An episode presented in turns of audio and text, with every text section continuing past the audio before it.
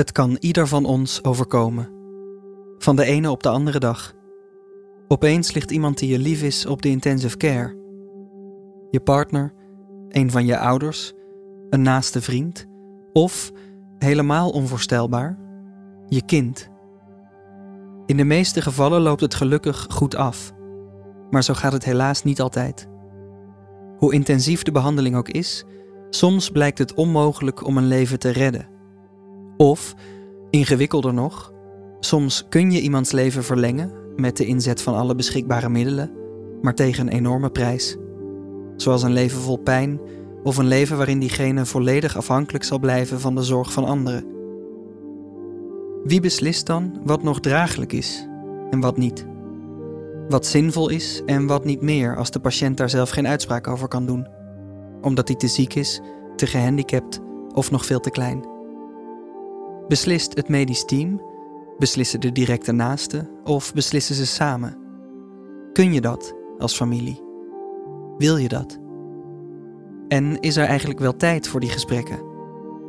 Over al deze dilemma's gaat de podcast op leven en dood. Omdat het ieder van ons kan overkomen.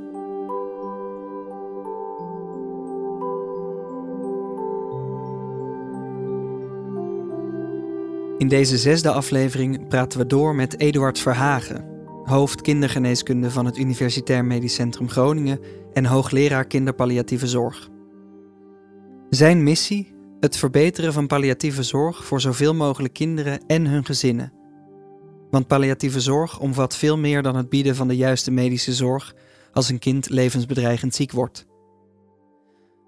Ook de psychologische begeleiding van broertjes en zusjes hoort erbij. Of ouders helpen omgaan met vragen als: waarom overkomt dit ons? Die vraag houdt veel ouders bezig, al helemaal wanneer een kind van het ene op het andere moment ernstig ziek wordt Kinderen zoals Casper, die in de vorige aflevering centraal stond. Mirjam de Vos spreekt met Eduard Verhagen over de dilemma's die zich juist in die situaties voordoen. Haar eerste vraag: Hoeveel kans is er dat iemand die zo langdurig is gereanimeerd als Casper weer volledig herstelt? Ja, die omstandigheden waar, waar Casper mee te maken krijgt, zijn eh, gelukkig heel uitzonderlijk gaat dan eigenlijk niet echt over een, een ziekte waar je als het ware met een aanloop uh, wat aan kan wennen, maar een heel plotseling gebeuren. Waardoor je ineens van een situatie die gunstig en goed is, naar een situatie gaat die ongunstig en slecht is. Veel hangt af van de duur van het zuurstoftekort die in die acute fase, in die eerste fase is opgetreden. En hoe langer die geduurd heeft, hoe slechter de doorbloeding van het brein eigenlijk is geweest, hoe slechter het eruit ziet. En helaas is al uh, een minuut al veel en vijf minuten is vreselijk veel en tien minuten zonder zuurstof in je hersenen is eigenlijk al niet meer met het leven verenigbaar. Dus het kan heel snel gaan en uh, een van de lastige dingen is dat je pas achteraf een inschatting kan maken van hoe lang dat waarschijnlijk geduurd heeft. Dat de organen en met name de hersenen geen zuurstof hebben gehad. En op het moment zelf weet je het vaak niet precies. En hoop je voor het beste. Hoeveel tijd heb je dan nodig om dat herstel af te wachten? Ja, dat is een hele goede vraag. Um, ik kijk eigenlijk naar dit soort vragen als, alsof ik kijk naar een puzzel. En um, die puzzel bestaat uit verschillende vlakken die ik zou willen leggen. Bij, bij het puzzelen, hoewel ik niet een groot puzzelaar ben, maar als ik dat als voorbeeld dan even mag gebruiken, dan de manier waarop ik de puzzel leg, normaal gesproken, is dat ik probeer vlakken te leggen die ik zie en die ik uh, gemakkelijk bij elkaar kan brengen. En dan vult die puzzel zich vanzelf. Er zijn ook een heleboel vlakken bij Casper eigenlijk. En één vlak is het medisch inhoudelijke, de wetenschap, de kennis die we hebben over zuurstofgebrek uh, van organen en in het bijzonder van de hersenen. Daarvan weten we dat eigenlijk al vrij snel uh, de belangrijkste cellen gaan afsterven en die zullen niet meer herstellen.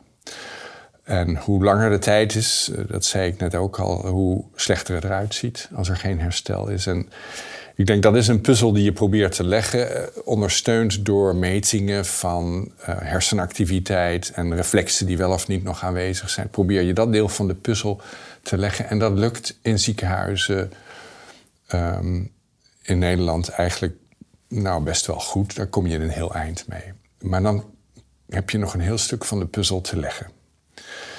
Er is ook een stuk van de puzzel en dat gaat over hoe kom je nou tot een afgewogen besluit over wat het beste is voor Casper, terwijl Casper zelf niet kan meebeslissen. Daar zit iets bij van de ouders, die in de meeste gevallen uh, de, de, aangewezen personen zijn om namens Casper beslissingen te nemen. Uh, daar komen vragen op bij die ouders. Die gaan over wat is er nou gebeurd en um, waar kunnen we op rekenen, waar kunnen we niet meer op rekenen. En per dag zullen ze daarin uh, ja, een ontwikkeling doormaken. Door meer kennis, doordat ze ook wat wennen aan, aan de hele setting waarin ze Casper zien liggen. Gaan ze steeds dieper nadenken over wat is ons overkomen. En wat is nou het besluit dat het beste is voor hem en het meeste recht doet aan hoe hij was. Dat kost tijd. Dat kost tijd omdat je eigenlijk bezig bent met, met je eigen zoon te doorgronden. En om te bedenken wat in de lijn van zijn leven misschien het beste besluit zou zijn. En het kost ook tijd omdat vader en moeder niet altijd op dezelfde lijn zouden kunnen zitten. En dat zien we helaas nog wel eens, dat, dat die toch, als alles goed gaat, heel goed samen die opvoeding kunnen doen, maar bij grote tegenslag zoals dit echt even tijd hebben, nodig hebben om zichzelf te vinden en om elkaar te vinden en om, om, een, om een weg te vinden waar ze beiden op kunnen. En er is ook nog wat extra tijd vaak nodig, omdat in dit geval ook er ook andere kinderen zijn die je graag mee wil nemen. Die je graag als ouders, maar ook als behandelteam op een of andere manier wil betrekken, zodat je het gevoel hebt dat er wel goed begrepen wordt wat er aan de hand is. Wat weer belangrijk is om later het ook een zekere plek te kunnen geven. En dat is belangrijk. Wat zou voor jouzelf, um, denkend hè, ook aan, aan een moment zijn dat je zegt van en nu, nu is het genoeg. Nu gaan we niet meer alles op alles zetten. Nu staken wij levensondersteunende behandelingen. Ja. Dat punt uh, komt uh, bij veel kinderen. Bij Casper kwam dat natuurlijk ook. Um, er zitten ook weer verschillende uh, ja, gezichtsvelden of, of aanvliegroutes. Eén belangrijke is, en dat is denk ik wel echt de taak van, van het medisch team. Um, waar staan we?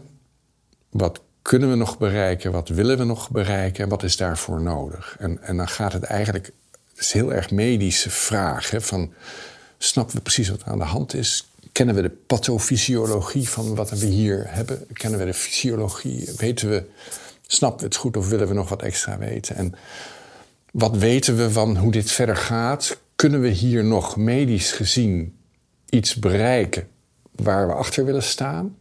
Of is dat niet meer bereikbaar? Dat, dat is een, een, een, echt een vraag in het medisch domein waar je met z'n allen um, over na moet denken. En dan hoop je dat je genoeg knappe koppen hebt die ervaring hebben en kennis hebben, zodat je daar vrij snel uh, tot een antwoord kan komen. En dan komt daarna de vraag: als je een beeld hebt van wat je technisch wel of niet zou kunnen doen en wat daarmee bereikt kan worden, dan komt de vraag: is dat eigenlijk ook nuttig, zinvol in de ogen van Casper? Nou kan Casper dat zelf niet beoordelen, dus dat gaan we vragen aan de ouders. En dan krijg je een gesprek over, dit zijn eventueel mogelijkheden die we nog zouden kunnen doen. Um, soms zitten daar mogelijkheden bij waarvan je als medisch team echt het gevoel hebt dat moet. Ik bedoel, als we dat niet doen, zijn we niet goed bezig. Maar eerlijk gezegd, vaak aan het einde van een traject op een IC is het niet meer zwart-wit, maar is het vooral grijs geworden. Het zou nog kunnen, misschien dat we nog iets enzovoort. En dan is het ontzettend belangrijk dat je, dat je bij elkaar gaat zitten, ook met de ouders, om van hen te horen of zij dat passend vinden, of zij dat nog zouden willen. En meestal gaat het over iets waarvan niemand precies weet of het nog iets zou kunnen doen of niet zou kunnen doen. En waarvan je net zo goed zou kunnen zeggen: we doen het wel of we doen het niet. En een van de lastige dingen is dat medici zijn geweldig knap in het alsmaar naar voren brengen van dit soort grijze opties.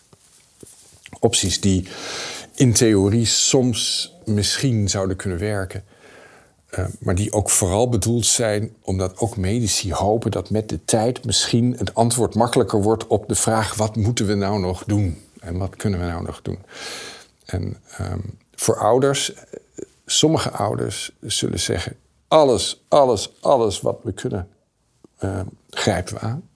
En er zijn echt ook ouders die zeggen: jongens, um, met wat jullie ons verteld hebben, dat de best denkbare uitkomst voor Casper is, geloven we niet dat we nog langer aan zijn lichaam moeten sleutelen. En dat we er beter aan doen om hem de rust te geven die nu gepast is. Doe het maar niet. En, en dat, die ruimte vind ik belangrijk dat ouders krijgen. En om die goed te kunnen inschatten, is wel nodig dat je de ouders ook wat kent en met hen ook, ook gesproken hebt. En daarom was ik zo onder de indruk eigenlijk ook van Caspers uh, verhaal. Dat we er meestal van uitgaan dat we wel tijd hebben om ouders te leren kennen op dit vlak. Omdat er een chronische ziekte onder ligt, die al heel vaak aanleiding heeft gegeven tot beslissingen die linksaf of rechtsaf kunnen. En door die beslissingen met elkaar te bespreken leer je elkaar goed kennen. In dit geval is daar niks van. En ben je ineens, boem, op het punt dat je soms best hele belangrijke beslissingen samen toch moet nemen. En is die aanloop dus niet eh, gegeven zoals die in andere gevallen gegeven is. Dus het is een samenspel. En deze ouders zeggen op een gegeven moment: het is genoeg. Ja. Het enige wat we nog voor hem willen is een zo goed mogelijk laatste stukje en een rustig sterven. Deze ouders vragen ook om actieve levensbeëindiging. Hoe vaak bij benadering komt dat voor dat ouders zo'n verzoek doen? Steeds vaker heb ik, het, uh, heb ik de indruk. Um, en het is iedere keer weer uitpluizen wat eigenlijk precies de vraag is die ze stellen. Hè? Wat eigenlijk precies hun wens is in dat kader. En, um, dat is denk ik ook de opdracht aan, aan de behandelaars om dat zo goed uit te pluizen. Uh, want niet altijd wordt bedoeld wat er wordt gevraagd. Dat zal ik uitleggen. Heel vaak roepen ouders in wanhopige situaties: we willen euthanasie. En dan zou je kunnen denken dat ze bedoelen: we willen graag dat het leven zo snel mogelijk beëindigd wordt om lijden te voorkomen. Maar dat is een aanname. Want het kan heel goed zijn dat ze eigenlijk bedoelen: we willen met jullie praten over een waardig einde. En dat is wel een andere vraag. Want dat betekent dat er een veel breder uh, uh, ja, aantal mogelijkheden is dat je met elkaar wilt bespreken. En is het eigenlijk een roep om kennis. Kortom, dat, de vraag is niet genoeg om te weten welk antwoord je erop moet geven. Je zult dan echt wat moeten graven en moeten uitpluizen. Wat bedoel je precies? Waar ben je bang voor? Waar hoop je op? Wat, wat is belangrijk en wat maakt dat je dit vraagt? En niet zelden blijkt er grote verwarring eigenlijk onder te liggen. En, en ik heb nu recent nog weer eigenlijk twee keer achter elkaar meegemaakt dat ouders vooral bang zijn om een akelig sterven te zien. Bijvoorbeeld doordat de kleur van hun kind verandert of de bewegingen misschien of, of iets anders. En, en dan hopen ze dat dat hen bespaard wordt door te vragen om levensbeëindigingen. Maar als je het erover hebt, dan, dan blijkt het eigenlijk vooral een beeld te zijn wat van tv is gekomen of uit een boek is gehaald en, en niet altijd reëel is.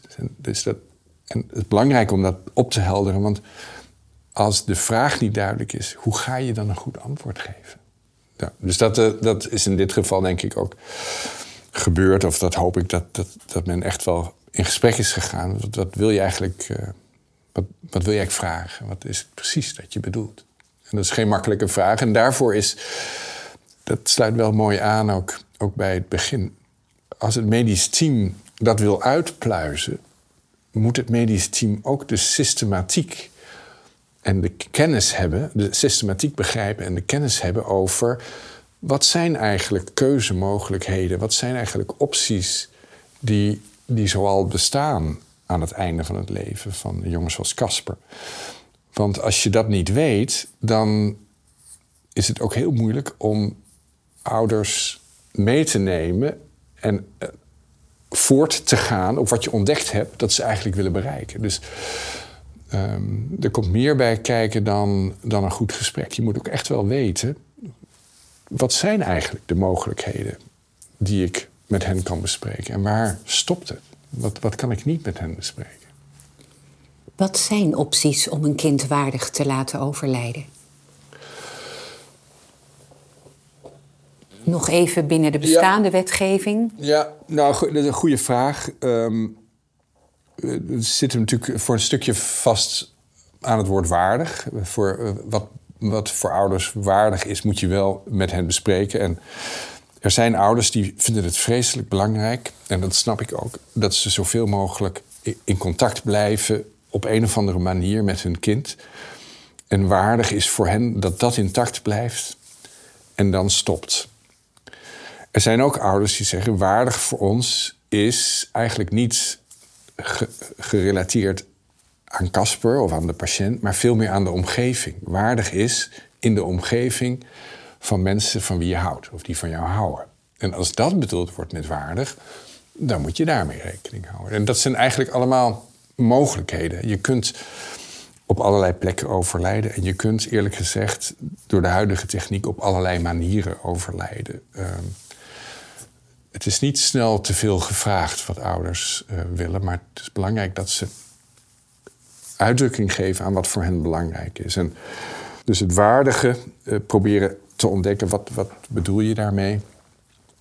In veel gevallen wordt vanuit een intensive care setting als eerste gepraat over de machinerie, die eigenlijk het zicht ontneemt op je kind. En, en de vraag die al snel komt en de mogelijkheid die er ook echt is, is: kunnen we even zonder machinerie uh, samen zijn? En, want dat zou voor ons uh, nou, het afscheid moeten zijn zoals we dat voor ons zien. Natuurlijk willen we geen afscheid nemen, maar we weten dat het komt. En als het dan moet, dan graag zo. Nou, dat zijn mogelijkheden. Dan, dan worden een deel van de eh, machinerie kan zonder meer ervan af. En de belangrijkste vaak is de beademing. Dat maakt ook lawaai. En, daar kun je afspraken over maken hoe je dat doet. En, uh, dat, dat, dat zijn eigenlijk de gesprekken die je dan hebt als je een besluit hebt genomen. Hier gaan we het doen en zo gaan we het doen. Dan loop je dat stap voor stap eigenlijk samen langs. Zijn er wel kinderen bij, zijn er geen kinderen bij? Dat maakt ook nog uit hoe oud zijn die kinderen. Je wilt het met elkaar zo doen dat, het, um, dat de focus niet ligt op de machinerie en alles wat daarmee te maken heeft, maar op een gezin dat afscheid neemt van elkaar. Um, dat is eigenlijk het, wat wij noemen dan de, de, het staken van de behandeling. En dat is vaak de stoppen van de machinerie uh, op een manier die nou ja, um, zacht en, en, en, prettig is. Je kan ook, um, je, zult ook moeten praten over wie daar wel of niet aan bij aanwezig zijn. Dat moet je doen omdat de aanname van iedereen is eigenlijk dat ouders daar altijd bij willen zijn. En kinderen daar beter niet bij kunnen zijn. Maar dat is eigenlijk maar heel um, dat is lang niet altijd zo. Er zijn ouders die er echt niet bij willen zijn. Er zijn kinderen die er echt niet bij willen zijn. En er zijn er ook die er wel bij willen zijn. Je moet het met elkaar bespreken. En dat bepaalt voor een stukje ook misschien wel hoe je het gaat doen. Er is een, stap die je soms maakt. Um, die heeft um, hier wel mee te maken. Sommige kinderen zijn volledig afhankelijk van de beademing. Als je die stopt, is het overlijden zeker kort daarna een feit. Er zijn ook kinderen die zijn niet zo afhankelijk van de beademing. En als je die beademing stopt, leven ze nog een tijdje door. een uur, een dag, een week, een maand. Die inschatting maakt het medisch team, maar is soms best lastig te maken. En daar probeer je in sommige gevallen toch wel op te anticiperen. Wat gaan we doen als dat zo is? En dan maak je daar afspraken over. Wat kun je dan doen? Ja, wat kan je dan doen? Nou ja. Ehm, een van de, van de onderwerpen die je echt met elkaar moet bespreken, en dat, dat, dat is per kind en per situatie eh, zal dat anders zijn, is als we denken dat doorbeademen niet meer moet, dan stoppen we de beademing. Wat zal er dan gebeuren? Wat is waarschijnlijk op grond van wat we weten dat er aan de hand is? En wat zou er ook kunnen gebeuren? Dat is eigenlijk nogal gestructureerd bedacht. Ehm, dan heb je, eh, we noemen dat dan scenario's. Scenario A is het overlijden. Scenario B zou kunnen zijn: het overlijden komt maar duurt een uur. En in dat uur willen we alles doen om uh, zeker te zijn dat de patiënt, Casper bijvoorbeeld in dit geval, niets merkt. En zet je dus al je energie op het comfortabel houden van jouw patiënt. Scenario C is: het is niet een uur, maar het is een week. Uh, voor sommige ouders is dat een fijne week. Wordt dat een fijne week? Voor sommige ouders is dat een vreselijke week. Want ze hadden zich erop ingesteld dat die week er niet zou zijn. En ja, uh, nou, kortom, je kunt je de discussie wel voorstellen die er dan um, uh, zou kunnen op, komen. En, en, die wil je voorkomen door die scenario's met elkaar vooraf te bespreken. Als tegen de verwachting in de patiënt lang blijft leven, terwijl je met z'n allen echt het gevoel heeft, hebt dat er geen um, medische stappen meer genomen moeten worden die het leven zouden kunnen verlengen, omdat de toekomst zo ontzettend slecht is, dan kan je de medische stappen die je dan nog uh, kunt terugtrekken, terugtrekken. En daar hoort in sommige gevallen ook bij het stoppen van vocht en voeding. Dat is een onderwerp dat uh, belangrijk is, door veel ouders ook wel gekend wordt. En door veel mensen uit het team natuurlijk heel goed gekend wordt. En waar wisselend over gedacht wordt. De manier waarop het moet, uh, het moment waarop het moet en of het überhaupt wel moet. En uh, idealiter bespreek je dat van tevoren. Niet altijd lukt dat en moet je het op het moment zelf bespreken. Wat uh, dat betekent als je vocht en voeding stopt. Dit alles is allemaal nog in, het, in de context van wat we zien als normaal medisch handelen. Dus het stoppen van de beademing, het stoppen van de beademing en dan comfortabel houden. En het stoppen van de beademing, het comfortabel houden en voor lange duur besluiten dat vocht en voeding niet meer zinvol is, behoort allemaal tot het pakket wat we beschrijven als het normaal medisch handelen. Dat betekent dat er zorgvuldig over nagedacht moet worden. Maar dat betekent ook dat het juridisch niet heel ingewikkeld is. Ethisch kan het ingewikkeld zijn en medisch soms ook wel, maar juridisch is het dat niet. Dat is anders dan de laatste optie, die uh, steeds vaker gevraagd wordt: actieve levensbeëindiging. Morgen gaan we het kind laten overlijden. Die stap is er een die buiten het normale uh, pakket van de, van de geneeskunde valt. En ook buiten het normale juridische kader valt. Je komt dan in het kader van, in dit geval een strafrecht, een bijzondere, bijzondere geneeskunde. En dat maakt dat als ouders het noemen, we willen actieve levensbeëindiging, dat de reactie van het team is: wow, je vraagt nu iets wat buiten onze uh, gebruikelijke arsenaal ligt, buiten onze comfortzone ligt. En die in het gebied ligt van het recht waar wij eigenlijk niet willen zijn. En dat geeft een schrikreactie en vaak ook een soort van: oh nee, daar gaan wij dus niet aan beginnen. Wat geeft die schrikreactie? Nou ja, het is toch, denk ik, um, een reactie die laat zien: ik ben hier niet helemaal bekend mee. Ik vind dit uh, spannend en griezelig. Uh, vraag me daar niet nu al iets over te zeggen, want uh, hier heb ik even tijd voor nodig. En dat begrijp ik ook, want Het ligt buiten het expertisegebied. Het is een onbekend terrein. En voor veel mensen is het betreden van onbekend terrein. Daar willen ze wel even over nadenken. Willen ze wel even de kaart van zien voordat ze ehm, gaan wandelen. En, eh, en ik denk dat dat ook wel een, logische reactie is. Ehm, strafrecht voor artsen heeft ook nog eens een extra lading. Omdat voor veel artsen de strafrecht ook geassocieerd is met onvoorspelbaar uh, gedrag van het Openbaar Ministerie. Als je niet helemaal doet wat je zou moeten doen, dan loop je kans dat je van je bed wordt gelicht en dat je vervolgd wordt voor iets akeligs. En jouw gezin moet het dan zonder jou doen en jij belandt achter de tralies. Dat, ik breng het een beetje als een soort parodie, maar het is wel wat heel veel artsen voelen en denken. En het is ook niet helemaal onbegrijpelijk, want in het verleden zijn er wel voorbeelden geweest waarin dat ook echt gebeurd is. En die blijken ontzettend lang te blijven hangen. En, en ook de jongere generatie, die, die kent eigenlijk al snel die voorbeelden. En, en wij leren hen misschien ook wel toch een zekere angst te hebben voor het buiten, de buitencategorie van de geneeskunde en de buitencategorie van het recht, namelijk het strafrecht. Dus eh, er zijn verschillende redenen voor, maar je zult een schrikreactie als eerste krijgen. En hopelijk daarna herstel en heroriëntatie van oké, wat gaan we doen? Wat kunnen we doen? Wat zijn de feiten? Wat zijn de mogelijkheden? En dan nou, gaat ook daar weer een, een, een puzzel gelegd moeten worden. Ja.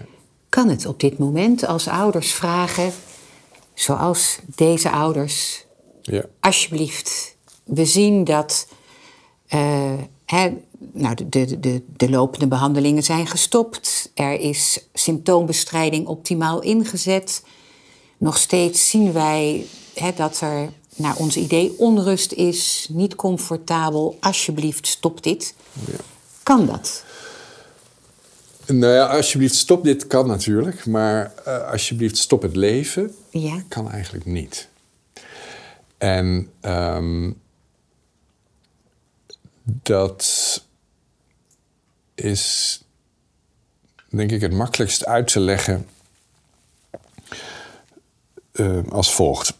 In, in, Nederland hebben we de mogelijkheid gegeven voor mensen die op een bepaald moment uh, besluiten dat zij niet verder willen leven door ziekte dat zij om levensbeëindiging kunnen vragen. En die vraag vanuit de patiënt zelf aan de arts is, is het wezenlijke onderdeel wat eigenlijk um, boven alles gaat. Een goed denkend, weldenkend persoon stelt een vraag die te maken heeft met hoe hij of zij het einde van zijn leven eigenlijk zou willen organiseren, zou willen hebben. En dan kan die arts besluiten, ik ga daarin mee of ik ga daarin niet mee.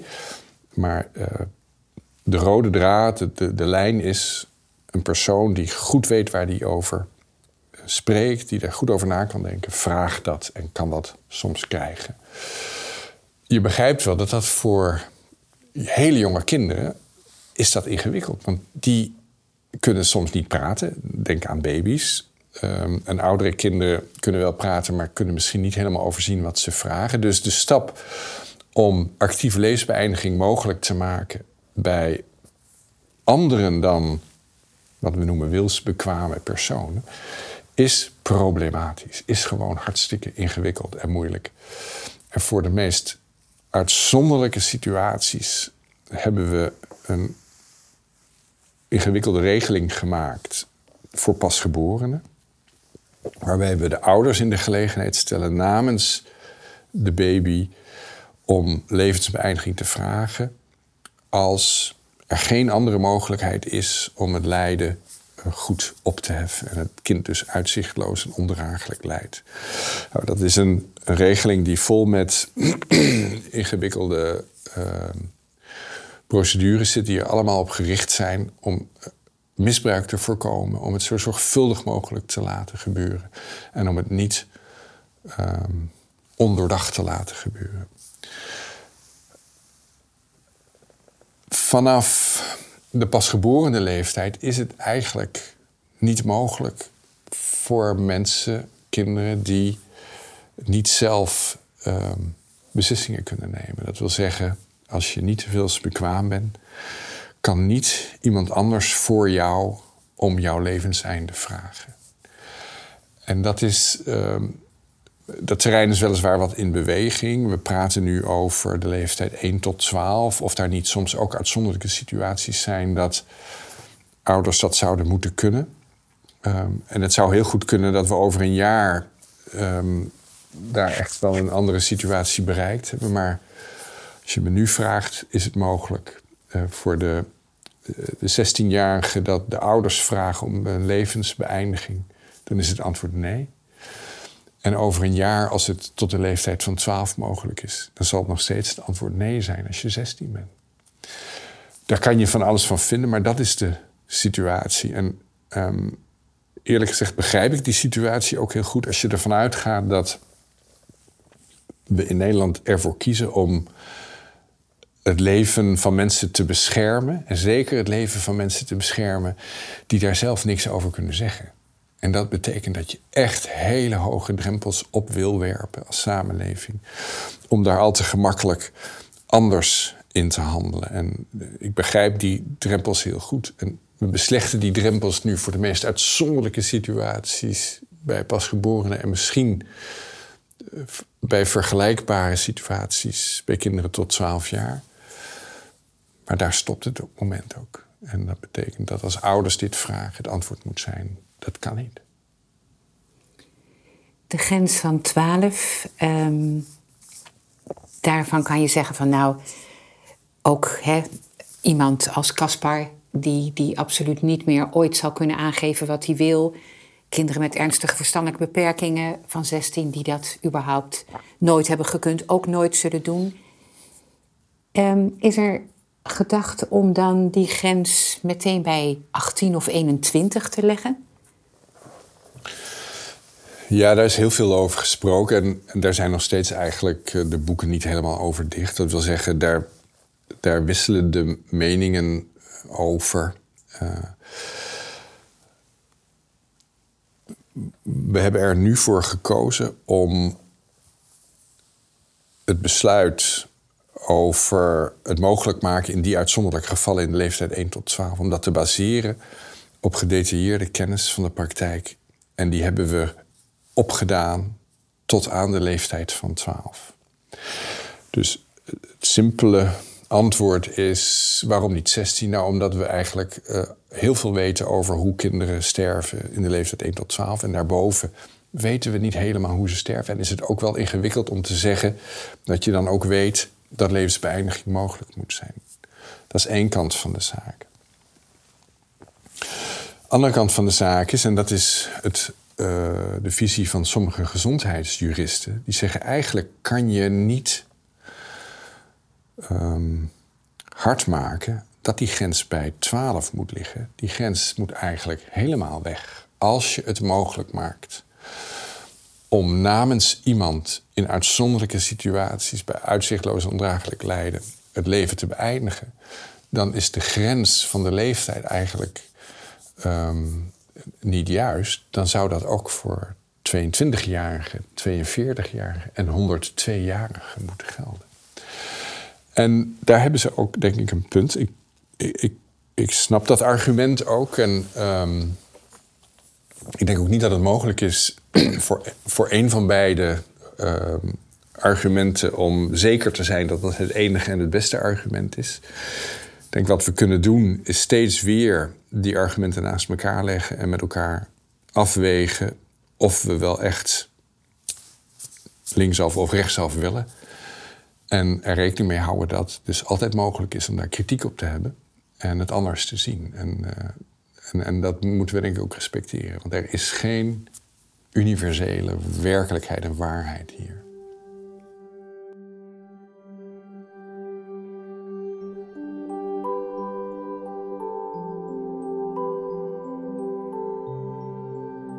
In deze aflevering spraken we met Eduard Verhagen, hoofd kindergeneeskunde van het Universitair Medisch Centrum Groningen.